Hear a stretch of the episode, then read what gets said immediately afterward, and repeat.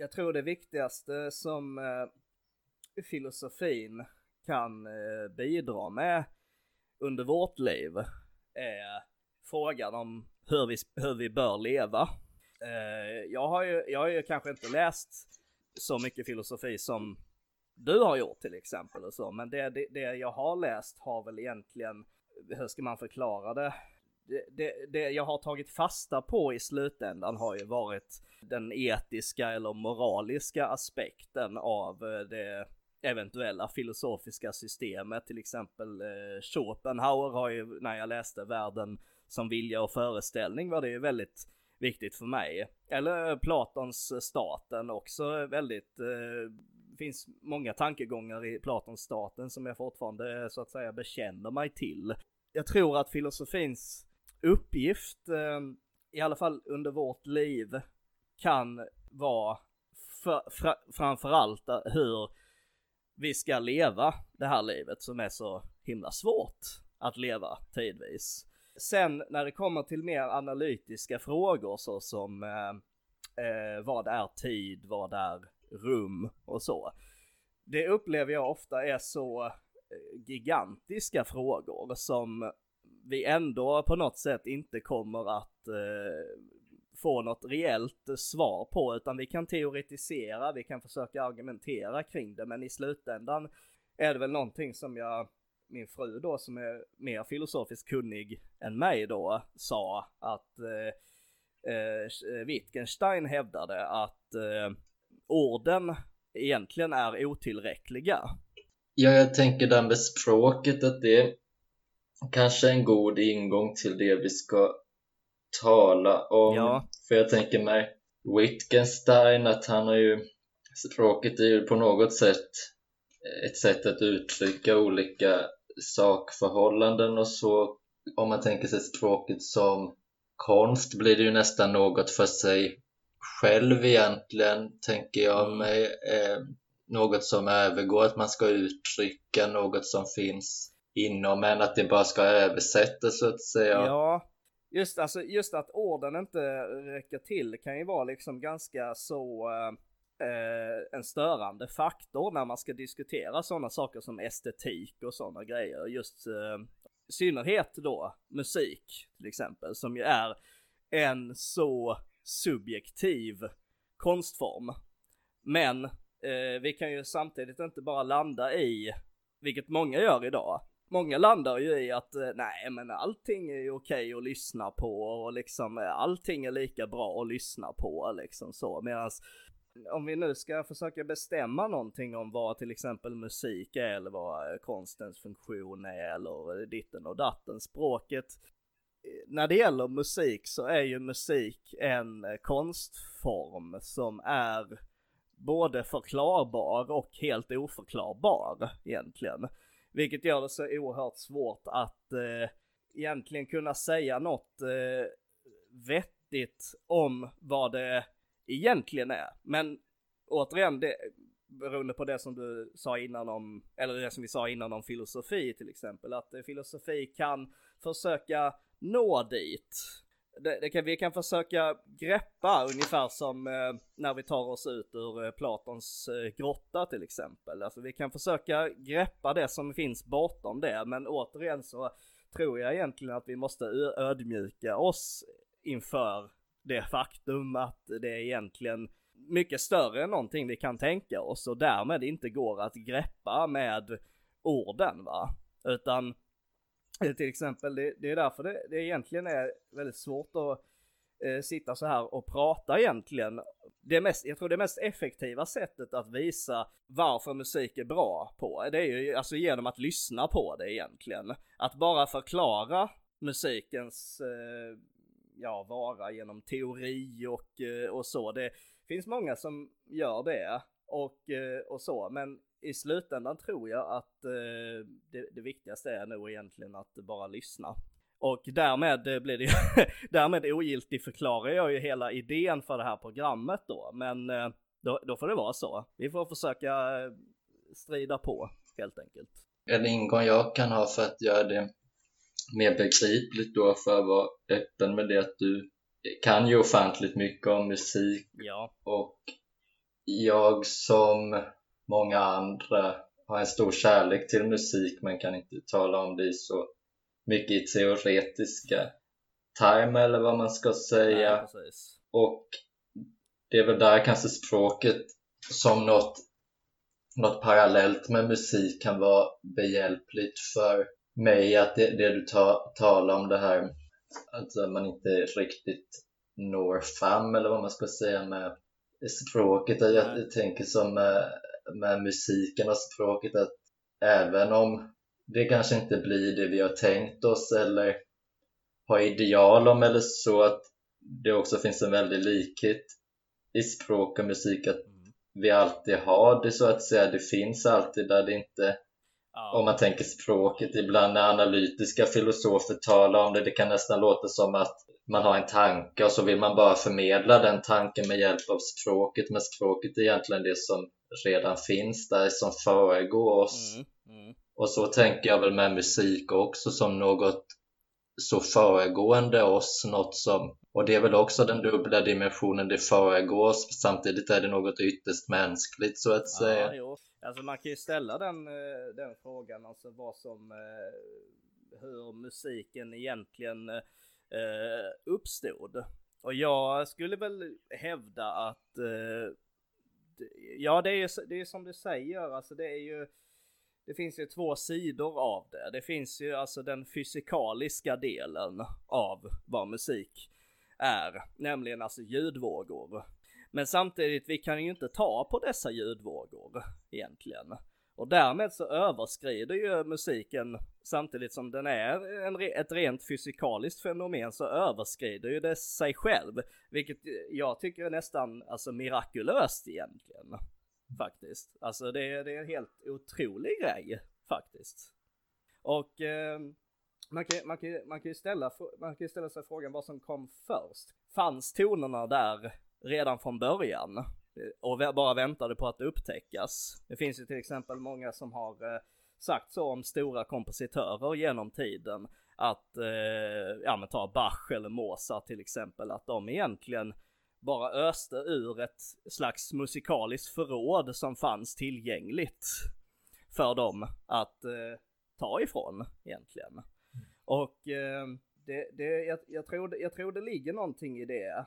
Eh, innan så un, i min ungdom, ja nu är jag för sig bara 30 år, men eh, då trodde jag nog mer stenhårt på en mer vetenskaplig förklaring till varför musik är som den är och varför den drabbar oss eh, så hårt. För det gör den. Det, det måste vi ju vara helt överens om, annars hade vi inte suttit och, och pratat om det. Alltså musik är ju liksom någonting som berör alla människor. Vi kan, vi kan se på, vi kan läsa böcker, vi kan eh, se på pjäser, vi kan se på tavlor, vi kan använda alla våra sinnen, men ingenting, ingenting fungerar så bra för oss som den här gränsöverskridande musiken så att säga. Den överskrider sig själv va. Man kan, jag, jag tror nog att eh, det finns en, eh, ma, man skulle kunna säga att det finns belägg för det här att musik redan är någonting som finns i sig själv oberoende av människan. Det vill säga, och det kom ju man på redan under antiken då. Pythagoras eh, är väldigt viktig för musikens historia eh, på det, för att det var han som upptäckte vad harmoni bestod av. Han hade säkert eh, gått och hört eh, folk spela och sjunga sjunga sånger, men han var intresserad av att gå till botten med det hela. Vad, vad är harmoni för någonting? Och så gick han eh, förbi en smedja helt enkelt.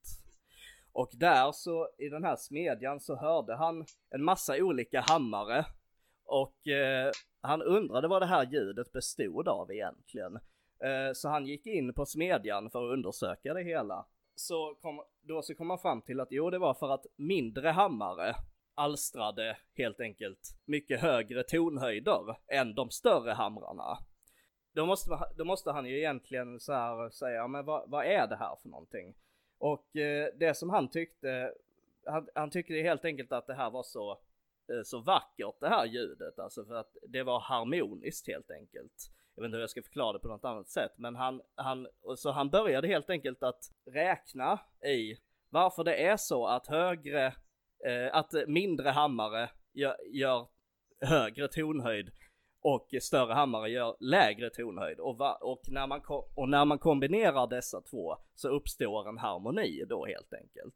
Och eh, snart började han, han var ju en stor matematiker ju, så att eh, han började räkna ut att egentligen de här, varför saker och ting låter bra, är på grund av rent matematiska formler, saker och ting som går att dela i två. Och eh, när man delar saker och ting i två så får man helt harmoniska intervall som inte skär sig. De är alltså helt konsonanta till att, till att eh, skilja från dissonanta. Det känner du säkert till det begreppet. Och eh, ja, jag tror, jag tror nog eh, vad, vad, gäller, vad gäller musiken att eh, eh, harmonierna är det allra mest mirakulösa som finns i den här världen. Jag tycker det är helt otroligt att det bara finns grejer som låter bra. Alltså oberoende av oss va. Och eh, ja, vi kan ju ta andra exempel. Vi kan ju ta fågelsång till exempel som ju också är oberoende av människan. Eh, men ändå så finns den där. Ja, man kan, eh, man kan även säga att eh, havsvågor är en slags eh, musik på, på det sättet. För att det är ju, det är ju också vågor helt enkelt alltså. Det finns en viss frekvens i det här.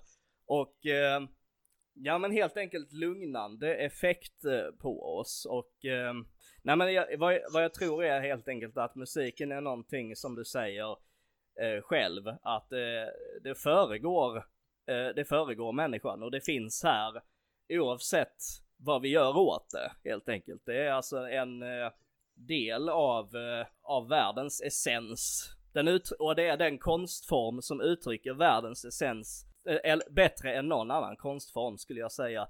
Och det var ju därför som eh, eh Schopenhauer, när han skulle gå igenom alla konstformer som poesi, litteratur, eh, eh, arkitektur bildkonst. Varför han rankade egentligen musiken allra högst, därför att i hans ord så var det ju, var det ju egentligen bara så att eh, de andra konstformerna var ju egentligen som bilder av viljan, vilket han menar är världens essens.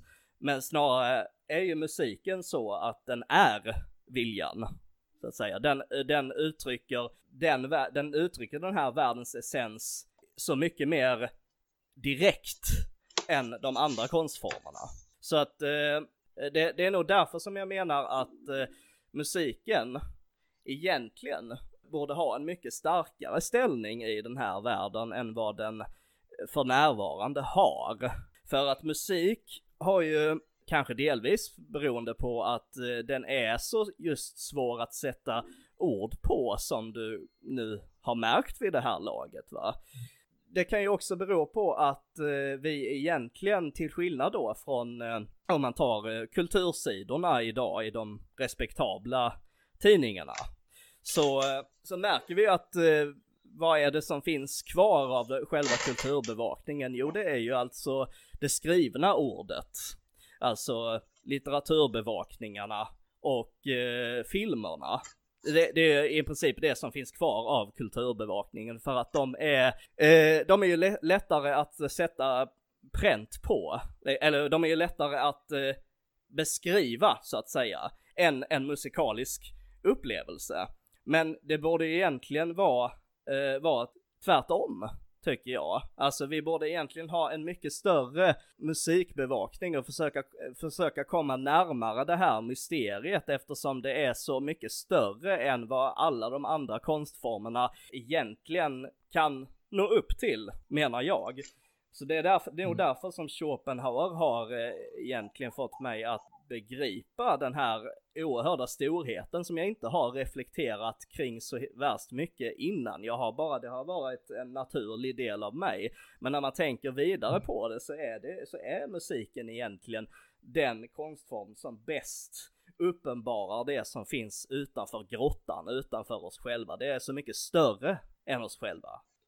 Ja, jag, jag tänker på två aspekter som vore intressant att höra vad du tänker på. Jag tänker vi kan tala mer snart om det här om, om vi kommer överens om att musiken inte är i sitt väsen subjektiv om man mm. då kan tala om något objektivt och så ja. men en sak jag tänkte på när vi planerade för detta avsnittet och du just tog upp det, den här viljan att som är större än i de andra konstformerna mm. På något plan att just vilja göra musiken till något högst subjektivt. Jag tänker att det är en intressant sak med konstupplevelse. Jag har varit med om det själv ibland att men den här melodin eller det här, den här sången det är ju inget märkvärdigt men det är den här stora upplevelsen som även musik som kanske inte är så bra mm. kan ge och när den upplevelsen är så stark för människor då blir det väl någonstans att det, det finns inget kvar att diskutera någonstans att den känslan infinner sig att det är lite som en förälskelse ungefär att personer omkring ja. personer säger men vad, vad är det för märkvärdigt med den personen och det ja, intresset försvinner för att fördjupa sig ja, ja. inom det. Vad, vad, vad, tänker du om det? Vad är det som händer i sådana upplevelser egentligen? Kan man koppla det till musikens väsen eller är det vår egen subjektivitet som någonstans lurar oss? Jag tror att det är kanske nog mer det sistnämnda. Om vi tar, eh, om vi tar eh, till exempel en eh, populär artist. Vi kan ta Thomas Ledin eller eh, Per Gessle som du är intresserad av till exempel. Mm. Vi kan, vi kan ju liksom bli berörda på eh, helt, helt olika sätt egentligen av, eh, av popmusik eller så va. Men eh, jag tror också att eh, det, det, det, är ju mycket, det är mycket vår egen subjektivitet som som spelar in vid själva tillfället vi hör musiken också.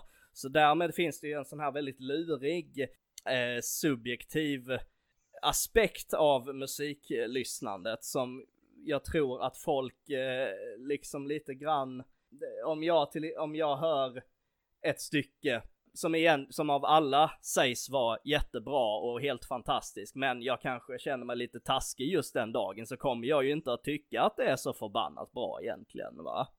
Eh, jag har liksom egentligen bara sett till mitt eget bästa i den här situationen på något sätt. Alltså jag har egentligen bara eh, utgått ifrån mitt eget mående i att bedöma ett eh, konstverk, vilket ju inte är ett särskilt pålitligt sätt om vi ska faktiskt komma fram till vad som är god respektive dålig konst. Vad är det då som är bra respektive dåligt? Det är en, det är en helt annan fråga som eh, vi skulle behöva ägna egentligen flera avsnitt åt för att komma fram till. Vad jag menar är att vi måste försöka komma fram till något slags objektivt kriterium för att bestämma vad som är bra i musiken respektive dåligt. Och jag tror att eh, om, om jag till exempel skulle spela upp eh, Beethovens eh, nionde symfoni för någon som inte har någon erfarenhet av eh, den klassiska, den mest eh, storartade musiken så skulle den säkert säga eh, att eh, ja, den visste inte vad det var, men den skulle ändå bli så oerhört emotionellt eh, påverkad så att den skulle liksom, den skulle begripa någonting i alla fall att det, det här är storartat för att det låter helt enkelt så storartat. Men egentligen så, eh, ja, skulle personen egentligen eh, begripa vad det var för någonting och eh, nej, jag, jag, jag, tror inte, inte ens jag som kan så mycket om det här som, som musik är, eller har försökt ta reda på det hela mitt liv egentligen, Eh, inte ens jag kan ju förklara vad det är som är det storartade i musiken, utan det måste höras för sig självt alltså. Jag tror, jag tror in, innerligt att det finns genuint eh, goda aspekter, genuint godartade aspekter av, eh, av eh, den här konstformen. Tyvärr så är det helt enkelt för eh, för svårt egentligen som du var inne på, för svårt för att egentligen sätta ord på, för svårt att prata om egentligen. Och därmed kan vi ju liksom egentligen bara hamna i att ja men det här tycker jag är bra, eller det här tycker jag är dåligt. Och det blir ju inte särskilt, eh, Det blir, det blir ingen särskilt eh, bra diskussion av det hela. Men det är också därför som jag tycker det är synd för att det är ju det här is art problemet. Alltså, alltså visst det är svårt att sätta fingret på det men innebär det att vi inte ska försöka åtminstone? Liksom det som gäller all konst är att det finns god konst och, och dålig konst. Det skulle nog de flesta eh, även de som är hel, helt relativister har ju favorit respektive hat eh, eh, stycken eller låtar så att säga. Så att även de erkänner ju att det finns egentligen någonting som är fundamentalt gott och någonting som är fundamentalt dåligt. Det är bara det att vi ska hela tiden hålla på och skilja oss åt vad gäller vad som är bra eller dåligt. Men jag tror att eh, det måste nog finnas något sätt. Jag är nog lite optimist i det här. Jag tror att det måste finnas något sätt att försöka åskådliggöra det som är gott respektive dåligt. Låter vi subjektiviteten segra så finns det egentligen ingen anledning till varför vi ens ska, ska prata om kultur eller estetik. Alltså för att då, då, då liksom, då är det ju bara som musikens funktion är idag. Det är bara ett eh, tillbehör för, eh, till crossfit-träningen eh, egentligen va. Eh, det är egentligen bara någonting vi ska ha i bakgrunden när vi går och handlar. Eh, det är alltså det, det, är något, eh, det är någonting som vi kan ha lite i bakgrunden på fester och så, men det är inte någonting som vi ska lägga särskilt mycket vikt vid. För vad finns det egentligen att säga eh, om det annat? Vissa tycker att det här är bra och andra tycker att det här är dåligt och det finns ju liksom ingen, då finns det egentligen ingen mening med det va.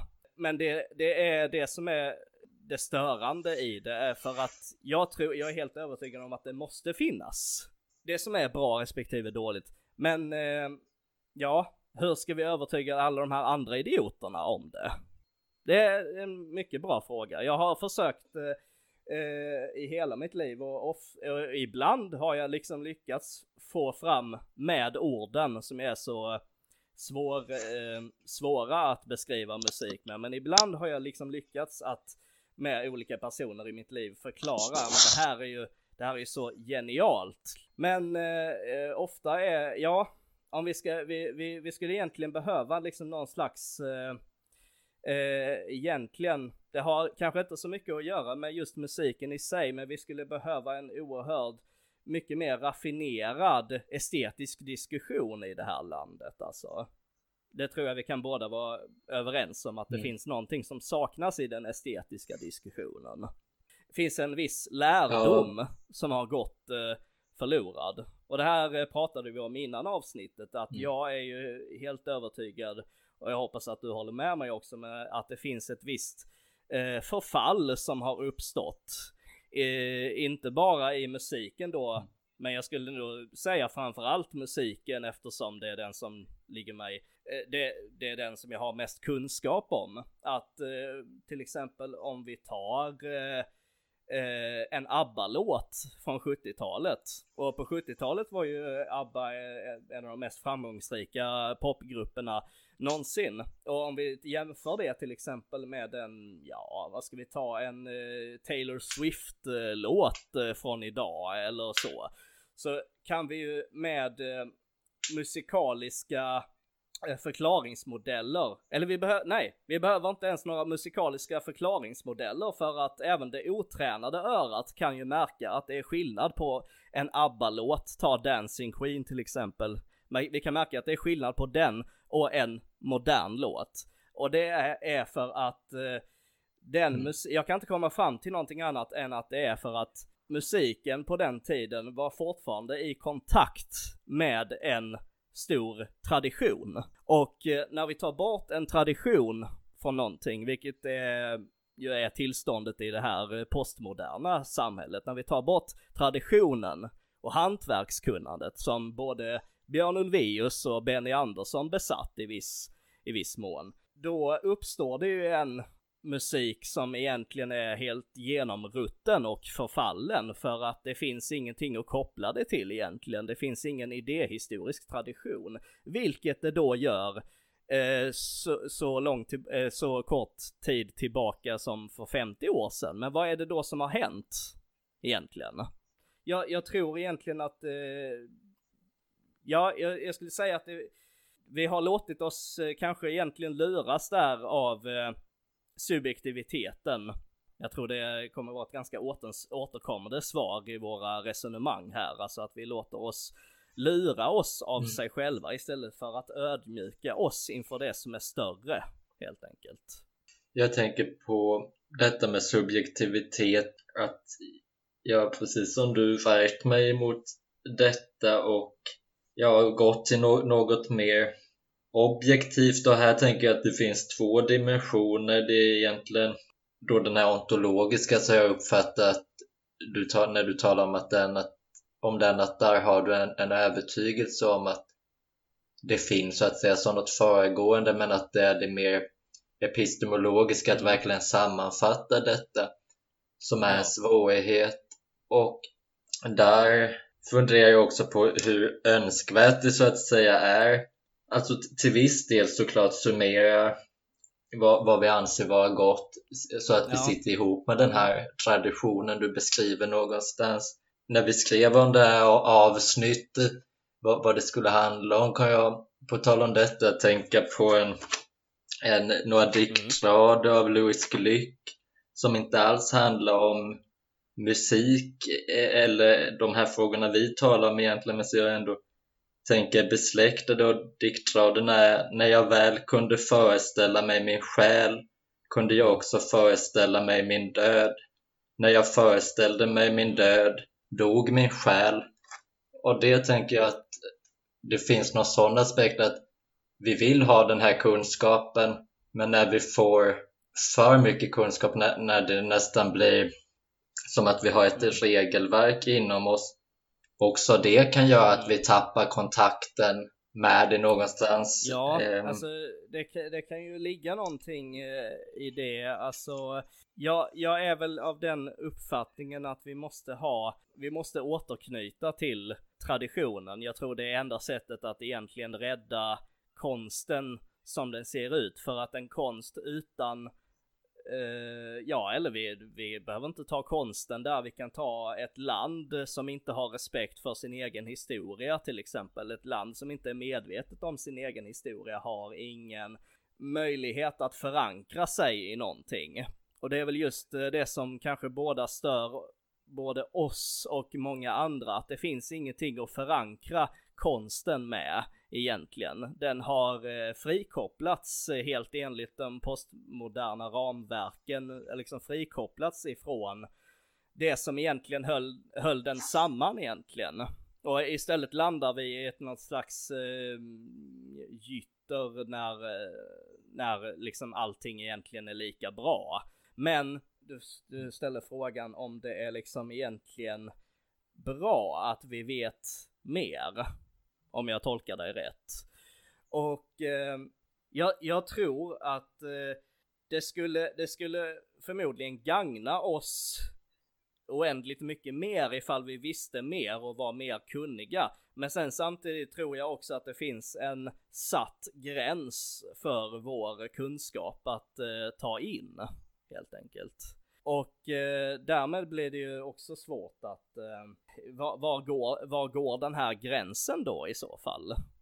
Eh, det, det, det, har jag ingen aning om, men jag tror ändå återigen eh, med tanke på is-åt-problemet, vi måste försöka att få folk att eh, förstå. Men visst, det finns väl en gräns även för sådana som mig som är kunniga i att försöka överföra den här kunskapen. För att till och med jag måste ju ödmjuka mig och säga att eh, jag tror inte jag vet eh, tillräckligt. Jag tror ingen kan veta tillräckligt om vad det är som är konstens mirakel eller musikens mirakel. Men vi måste i alla fall försöka få folk att förstå egentligen att det, det här, det här finns och det här är större än dig själv och ditt eget mående. Och det tror jag, det är en sån gir som konstdiskussionen borde må bättre av egentligen ifall vi faktiskt ställde högre krav på samtalet vi för. För att jag upplever att eh, om, om ett samtal bara ska landa i, ja men det här känner jag just nu i det här ögonblicket, det blir inte så, det blir inte så mycket vettigt sagt egentligen.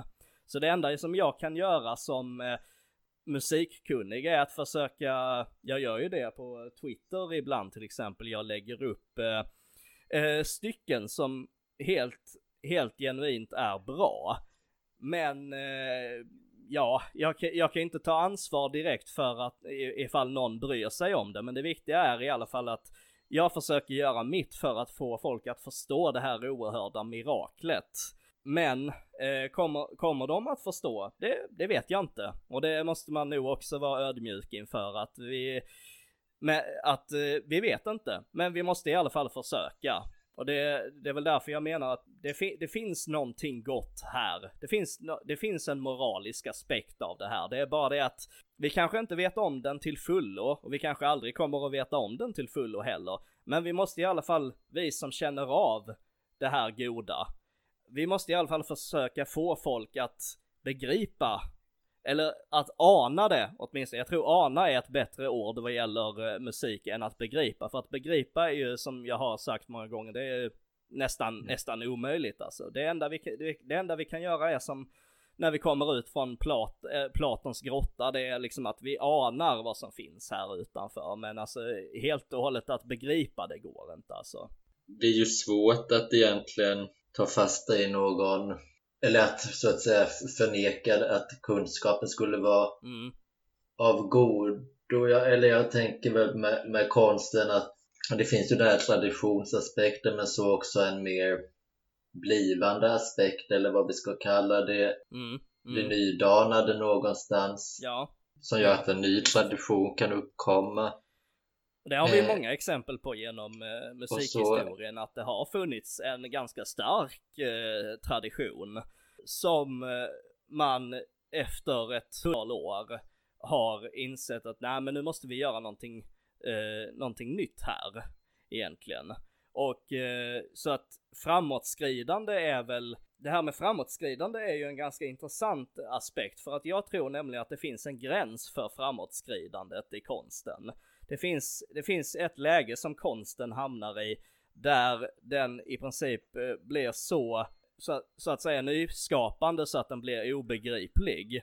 Ett, ett sånt exempel har vi på modern konstmusik, eller inte, så att säga, in, kanske inte modern, men om vi tar konstmusikens läge för hundra år sedan när modernismen gjorde sitt, när, när modernismen höll på då började man ju till exempel med att eh, spräcka ramarna för vad musiken var för någonting. Det var ju någonting som hade varit helt otänkbart för hundra år innan. Just för att man var så förankrad i en stark, så att säga tonal tradition om du förstår vad begreppet är. Alltså to vad tonalitet är för någonting. Respektive atonalitet. Mm. Eh, alltså to en, en tonalitet består ju i en, en fast ram för hur ett musikstycke ska gå. Och eh, det är alltså, en tonalitet består egentligen i grund och botten av harmoni.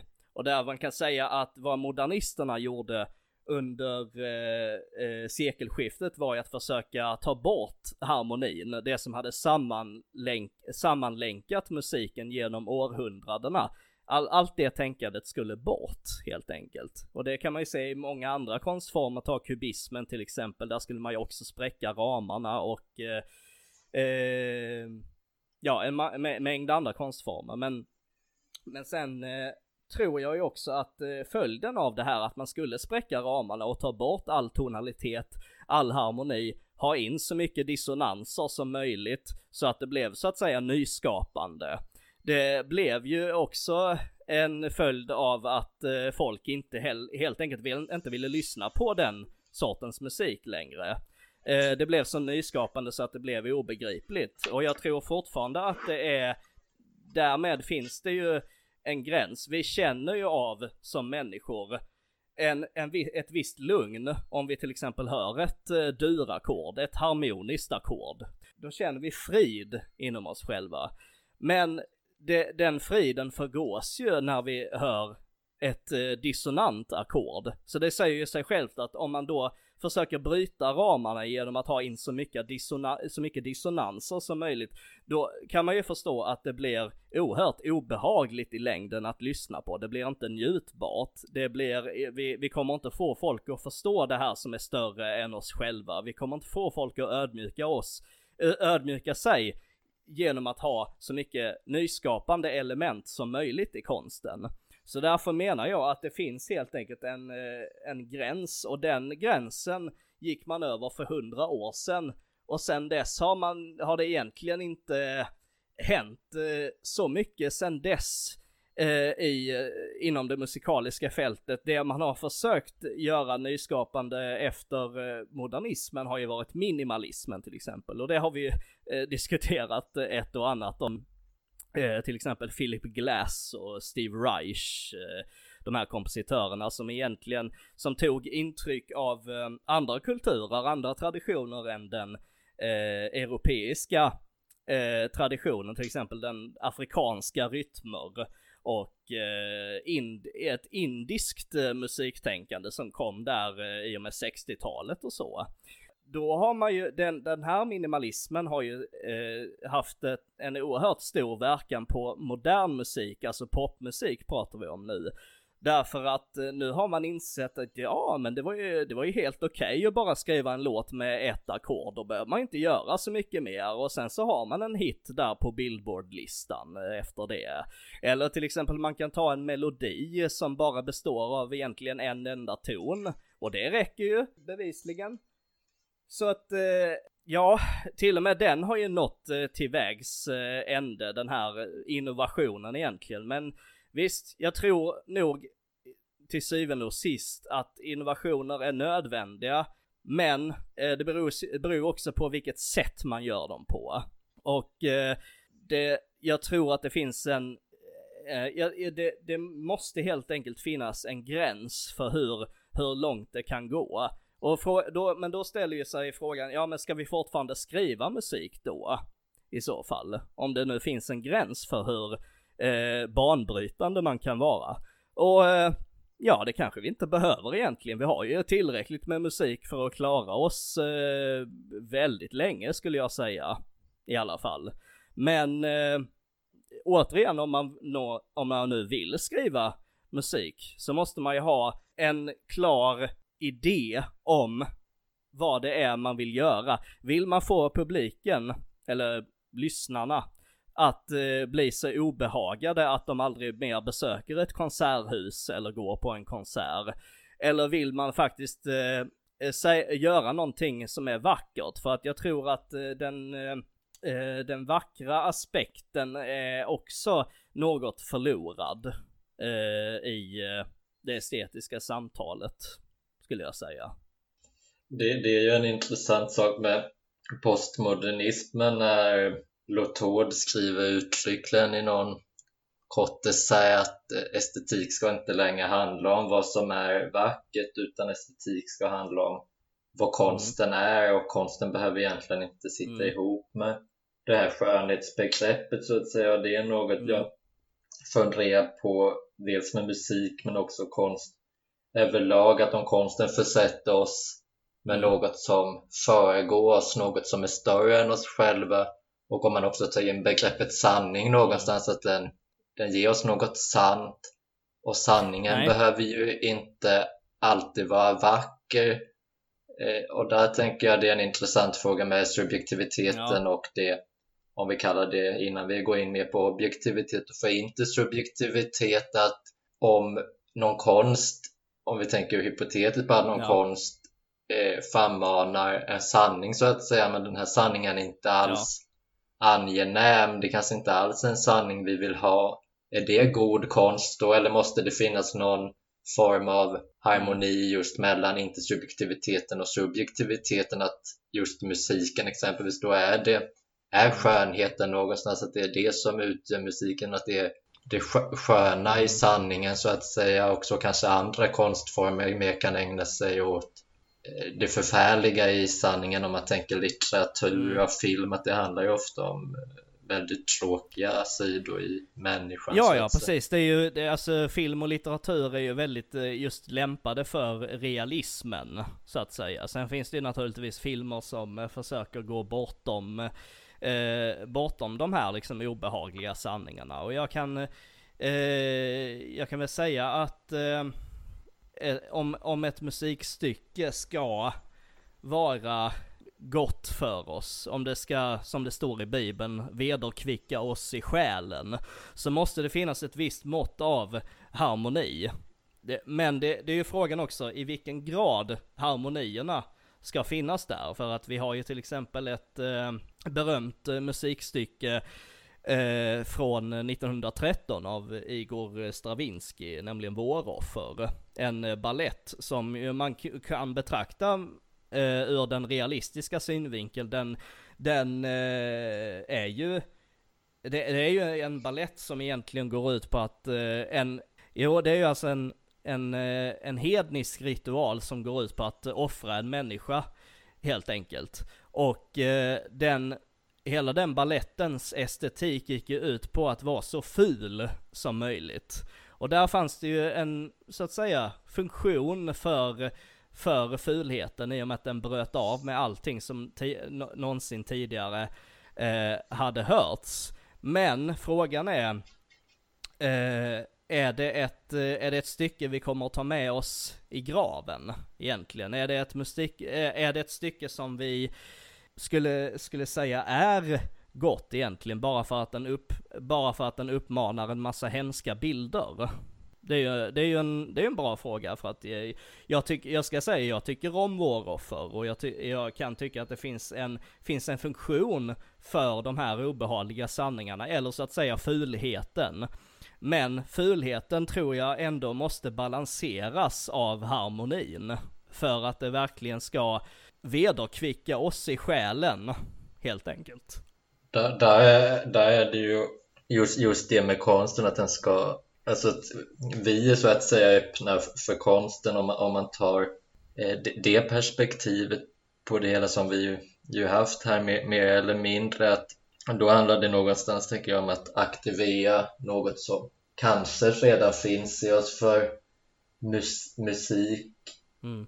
är inte bara föregående bemärkelsen att det fanns innan vi uppkom tänker jag utan också i bemärkelsen mm. att den är a priori i oss så att säga och det är ju mm. ännu en motsättning att den också är väldigt erfarenhetsbaserad att det är som om vi erfar något som vi redan vet, som vi redan något som föregår erfarenheten, något som egentligen är förutsättningen till att vi överhuvudtaget kan ha erfarenhet och alla sådana aspekter av tillvaron är ju väldigt svåra att närma sig och musiken blir väldigt intressant i det att den är något så konkret som är med oss mm. hela jo, alltså tiden. Alltså musiken, musiken är ju verkligen eh, eh, som jag sa innan den mest eh, egentligen omedelbara eh, konstformen. Det är därför som eh, musik eh, i vissa kulturer är rent av förbjuden för att den är alldeles för stark mm. för människor att ta in.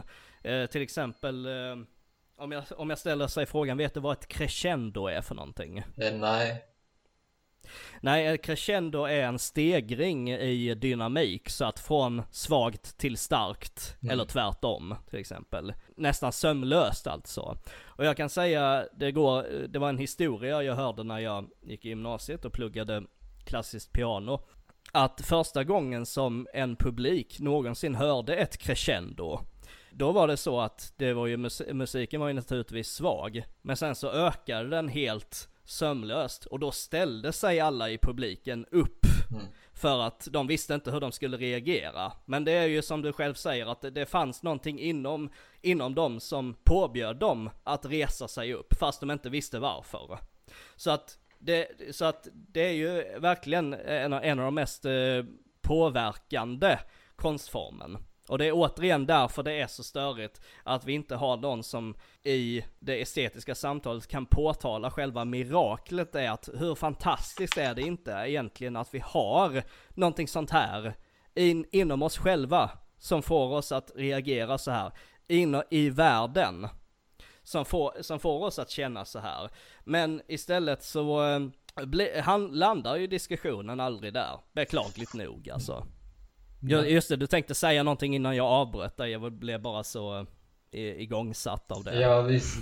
Nej, jag tänker att vi kanske kan närma oss lite det här så, som lite mer just det här med subjektivitetens mm. motsats så att säga. Att när jag mer medvetet började tänka kring estetiken så att säga och att det, det är något utöver subjektiviteten, något utöver mm. tillfälliga tendenser hos individer och kulturella strömningar och så att Du menar då, den eviga aspekten? Ja, just det. Då mm. fastnade jag eller då är det ju naturligt någonstans att man frångår subjektiviteten och går till en ganska strikt objektivitet och det är väl riktigt i en bemärkelse men samtidigt tycker jag just detta som du talade om nu egentligen visar mer vad konst är för något, just det här mötet mellan det eviga och det tillfälliga, det, det mänskliga och om man säger ja.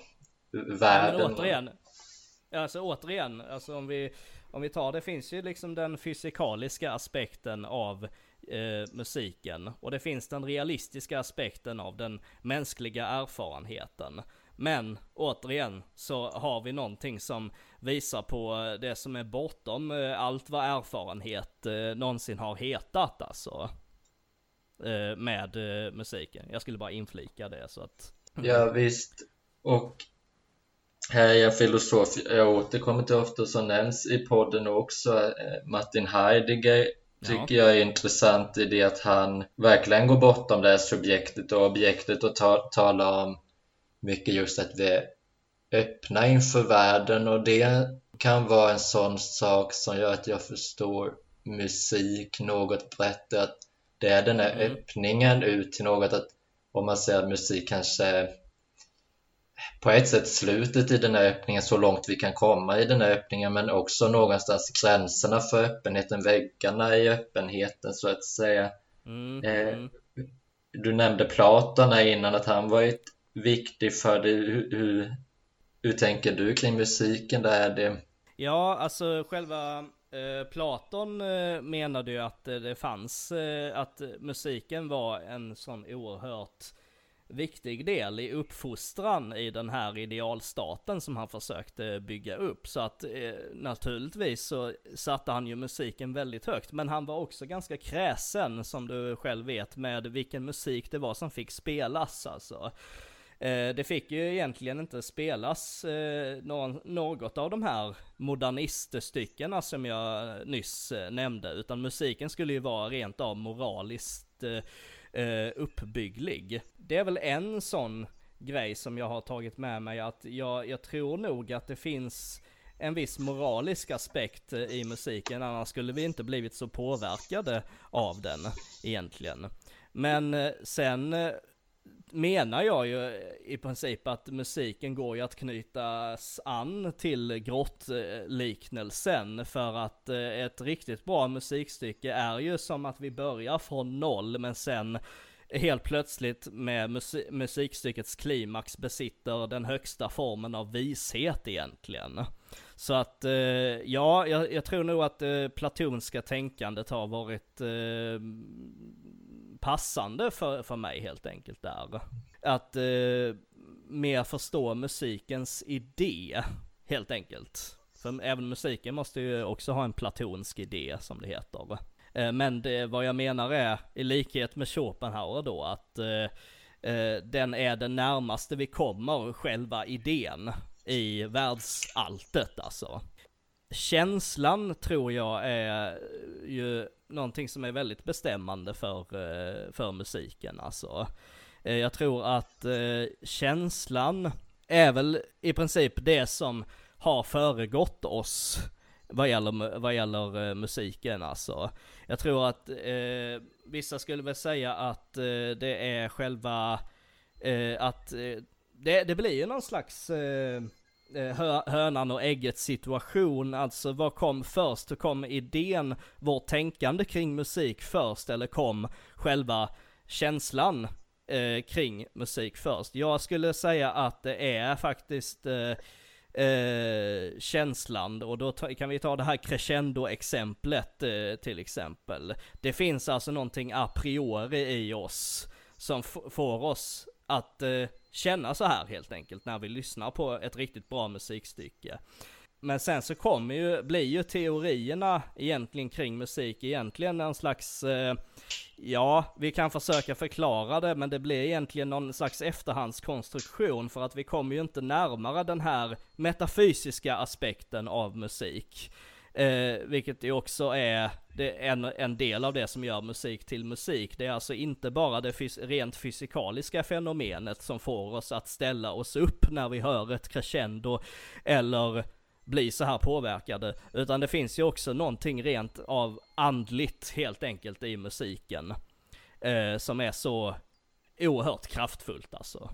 Och det är ju viktigt då som när man kritiserar de här subjektivistiska uppfattningarna att det är ju inte bara att subjektivistiska uppfattningar inte gör det som är inte subjektivt orättvisa utan också det subjektiva orättvisa, att det som mm. finns i subjektet är så mycket kraftfulla än som bara subjektivitet, att det är just den här öppenheten mot mm. världen. Att, att om man tänker, om man börjar, om man börjar och tänker i någon torftig realism så att säga, vilken mm. liten varelse människan är och så, mm. får, så får allt det här plats i människan och ja, överlag allt egentligen i, i hela varat att det innehåller så mycket mer än bara det det är att det är en så här skenbar motsättning men att mm. världen ryms inom oss samtidigt som den inte ryms inom ja, oss. Ja, det är, väl, så... det är väl egentligen om man sammanfattar det liksom så är väl egentligen det som är det stora miraklet med att eh, mm. försöka begripa vad världen består i alltså. Nämligen att det finns en gräns eh, för eh, oss själva. Eh, jag tror, eh, om man bortser från det estetiska så är ju människan just idag ganska övertygad om sin egen gudomlighet om du förstår vad jag menar. Mm. Eh, alltså, eh, den är övertygad om att den själv kan överskrida alla gränser. Vi kan eh, åka ut i rymden och vi kan eh, bota alla tänkbara sjukdomar och så. Men jag tror att detta är ju egentligen ett, eh, alltså ett fel, det måste vara ett felslut helt enkelt för att eh, det finns helt enkelt en, eh, det finns helt enkelt en naturlig gräns som vi inte kan överskrida. Och försöker vi överskrida den så slutar det alltid med vår egen undergång egentligen. Mm. Det, det, är min, eh, det är min fasta övertygelse alltså. Ja, jag tror också det för det man gör med subjektet är, eller att skilja subjekt och värld. Och i en bemärkelse kommer ju den här skiljelinjen mm. alltid göra sig gällande så att säga, men just där man egentligen täpper igen lönngångarna eller vad man ska säga i subjektet till det som inte är subjektet och det är väl också mm. så ett begrepp om objektivitet kan framtvingas egentligen och det är ju på en väldigt fundamental nivå bara en sån sak som att vi är medvetna om att det finns andra människor och vi är medvetna om att vi själva finns. Det är ju hela tiden en något indirekt eller en utgång i oss själva till att finna eh, den här objektiviteten och den här objektiviteten uppkommer just, tänker jag, genom att det finns det finns något innan vi trädde ut i världen. Mm. Det, hela skälet till att vi har trätt ut i världen är det föregående. Och vi måste balansera att vara grundade i oss själva någonstans men också ha den här kontakten med det utöver oss mm. själva och där, det blir väl kanske en mer allmän konstnärlig princip men jag tänker på det du nämnde med Platon att det är ju intressant att även om man har en strikt syn på musik att han var ju i mångt och mycket kritisk mot konsten ja, eller de avbildande ja, konsterna då att det blir ett sken av ett sken och den fördelen har ju verkligen musiken. Den är så direkt liksom egentligen. Den, den är ju oerhört eh, lämpad för att få oss att eh, begripa världens eh, väsen på det sättet att eh, den inte kan egentligen betraktas som en avbildning. Det finns ju naturligtvis musik som eh, kan betraktas som avbildning för att eh, musik är ju trots allt också väldigt bra på att vara en sån här konstform som eh, eh Platon också föraktar. Nämligen att det finns musikaliska figurer som till exempel eh, vi skulle kunna frammana fågelsång genom en melodi som var lite drillande till exempel. Eller om till exempel om eh, eh, om texten, om det i texten står att han steg upp så skulle vi kunna sjunga så. Det finns sådana aspekter av, eh, av musiken som är så att säga rent avbildande och det där är ju en gammal, ganska estet, eh, det där är en liksom ganska gammal debatt inom musik, att eh, vad är det rent musikaliska i så fall? Om vi ska utgå ifrån, ifrån, eh, ifrån Platon, vad är det som gör att det inte bara blir en ren avbildning. Och eh, eh, det, det, är en oerhört svår fråga alltså så. Men eh, jag är övertygad om att det finns i alla fall. Men som sagt, det, det finns sådana aspekter av musiken eh, som gör den lämplig att sätta till text, så att säga. Det finns, det finns sådana musikaliska figurer. Men sen samtidigt finns det också den rena musiken. Men Alltså, vad skulle, vad skulle den bestå i? För att skulle inte ren musik rent av kunna bli obegriplig om det inte fanns någonting som knöt an till vårt eh, liksom riktiga liv till exempel. Då blir ju musiken i den meningen helt eh, abstrakt i så fall. Och eh, frågan är ju om konsten gynnas eh, av att vara abstrakt. Jag tror, jag tror snarare att eh, det måste finnas en eh, lämplig blandning mellan det abstrakta och det konkreta för att det ska bli ett, eh, för att musiken ska bli helt lyckad egentligen. Det tror jag. Det måste finnas en eh, balans mellan det oförklarliga och det helt förklarbara. Helt enkelt. Och det är ju egentligen återknyter till allting vi hittills har sagt om musiken, att den just är i grund och botten en balans mellan någonting som är begripligt som egentligen går att eh, ta på. Medan det samtidigt är någonting som vi eh, inte överhuvudtaget förstår alltså. Jag tänker med den, den här rena musiken, det abstrakta elementet av det när jag, när jag tänker på i den här bemärkelsen vad som har föregått det som är nu och så att säga kunna tänka bortanför rådande egenskaper. Att där funderar jag på, är musiken, är musiken just det absolut ursprungligaste eller är musiken en gestalt, eh, den enklaste egenskapen eller den mest ursprungliga egenskapen av något föregående? Ja, alltså jag skulle, jag skulle nog kunna säga att eh, musiken är det i alla fall enklaste tillvägagångssättet att eh, eh, uppvisa för folk det som är större än oss själva. Men huruvida det är det mest ursprungliga, det, ja, det, det där är ju så stora frågor som man inte riktigt eh, egentligen kan ge något vettigt eh, svar på, för då skulle jag behöva vara egentligen allvetande för att egentligen kunna ge något eh, begripligt eh, svar på det, utan ja, är det ursprungligt? Eh, ja, jag, skulle, jag skulle säga att den finns, den finns ju oberoende av oss.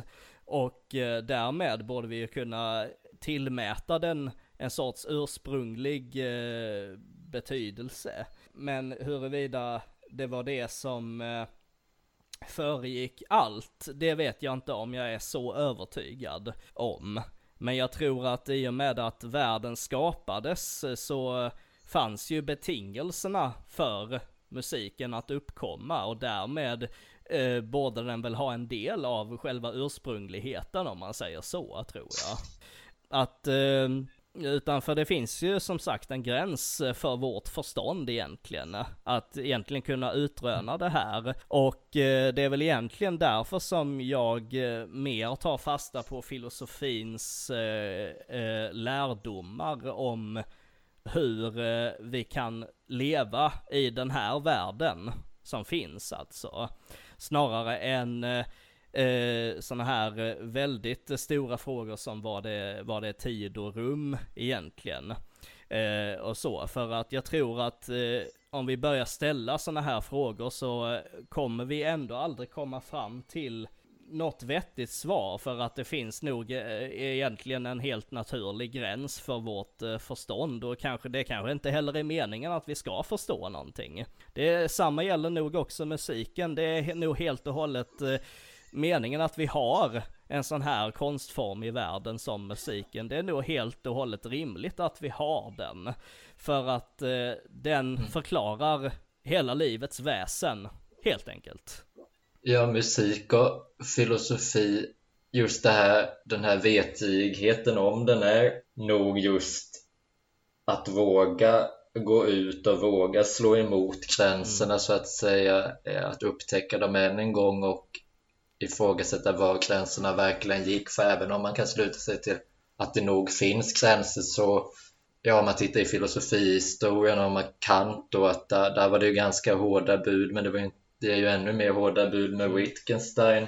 Och att man har testat att ställa de här som han ansåg var nonsensfrågorna då och se var hamnar man så att säga. Hamnar man verkligen i att det nödvändigtvis tar slut? För det är ju också en intressant sak med konsten också om man tänker att den ska vara moralisk att eh, ja, den lätt kan gå i en fälla att, att fylla ett syfte. Ja, och därmed så, och jag därmed det ser ut. Fyller, eh, har en funktion så kanske den inte blir så där värst överskridande som vi tar fasta på mm. vad det gäller de musikaliska egenskaperna. Så att nej, och det, den här med att musiken har en funktion, jag tror det är också, eh, ja, Eh, Eh, det kan låta motsägelsefullt men det är också en del av själva det musikaliska förfallet för att vi har ju börjat tillmäta musiken egentligen en bakgrundsfunktion.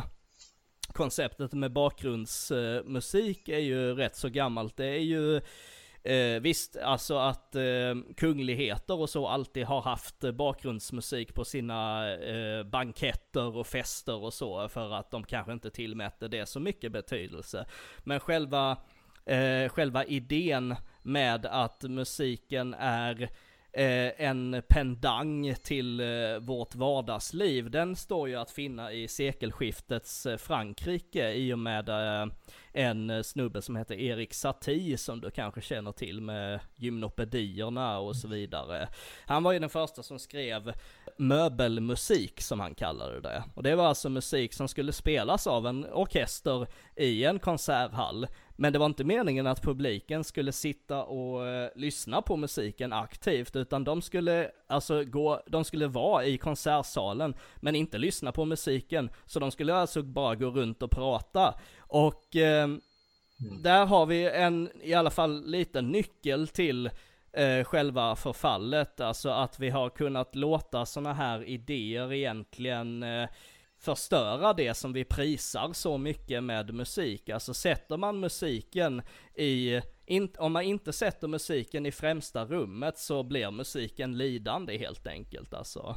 Eh, det, när man sätter något i funktion, det är ju att nedvärdera det i förhållande till något annat. Så om, man, om musiken fyller en funktion så att säga, då har man egentligen sagt att konsten är inte det vi värderar högst, vi värderar något ja. annat betydligt högre ja, ja, verkligen. konsten. Alltså, och, och det är ju liksom, det, det, det har väl egentligen att göra med själva eh, man kan väl i princip knyta religionens död för, eh, till detta, för att religionen var ju ursprungligen en kraft som höll oss alla samman, som fick oss att inse vår egen eh, litenhet i de stora sammanhangen och eh, som fick oss att eh, i varje fall ödmjuka oss inför att vi styr inte överallt, vilket är fallet idag, där vi tror att vi kan styra över allting.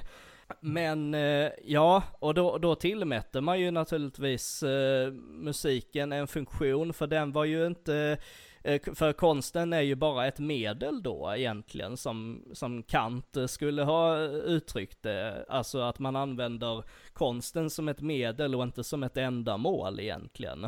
Konsten borde ju egentligen vara ändamålet men nu i vår tid så är den ju egentligen bara medlet kan man ju säga medlet för eh, vår, eh, vårt eh, självmående. den har ju den funktionen och eh, den har ju haft det i snart eh, hundra år också.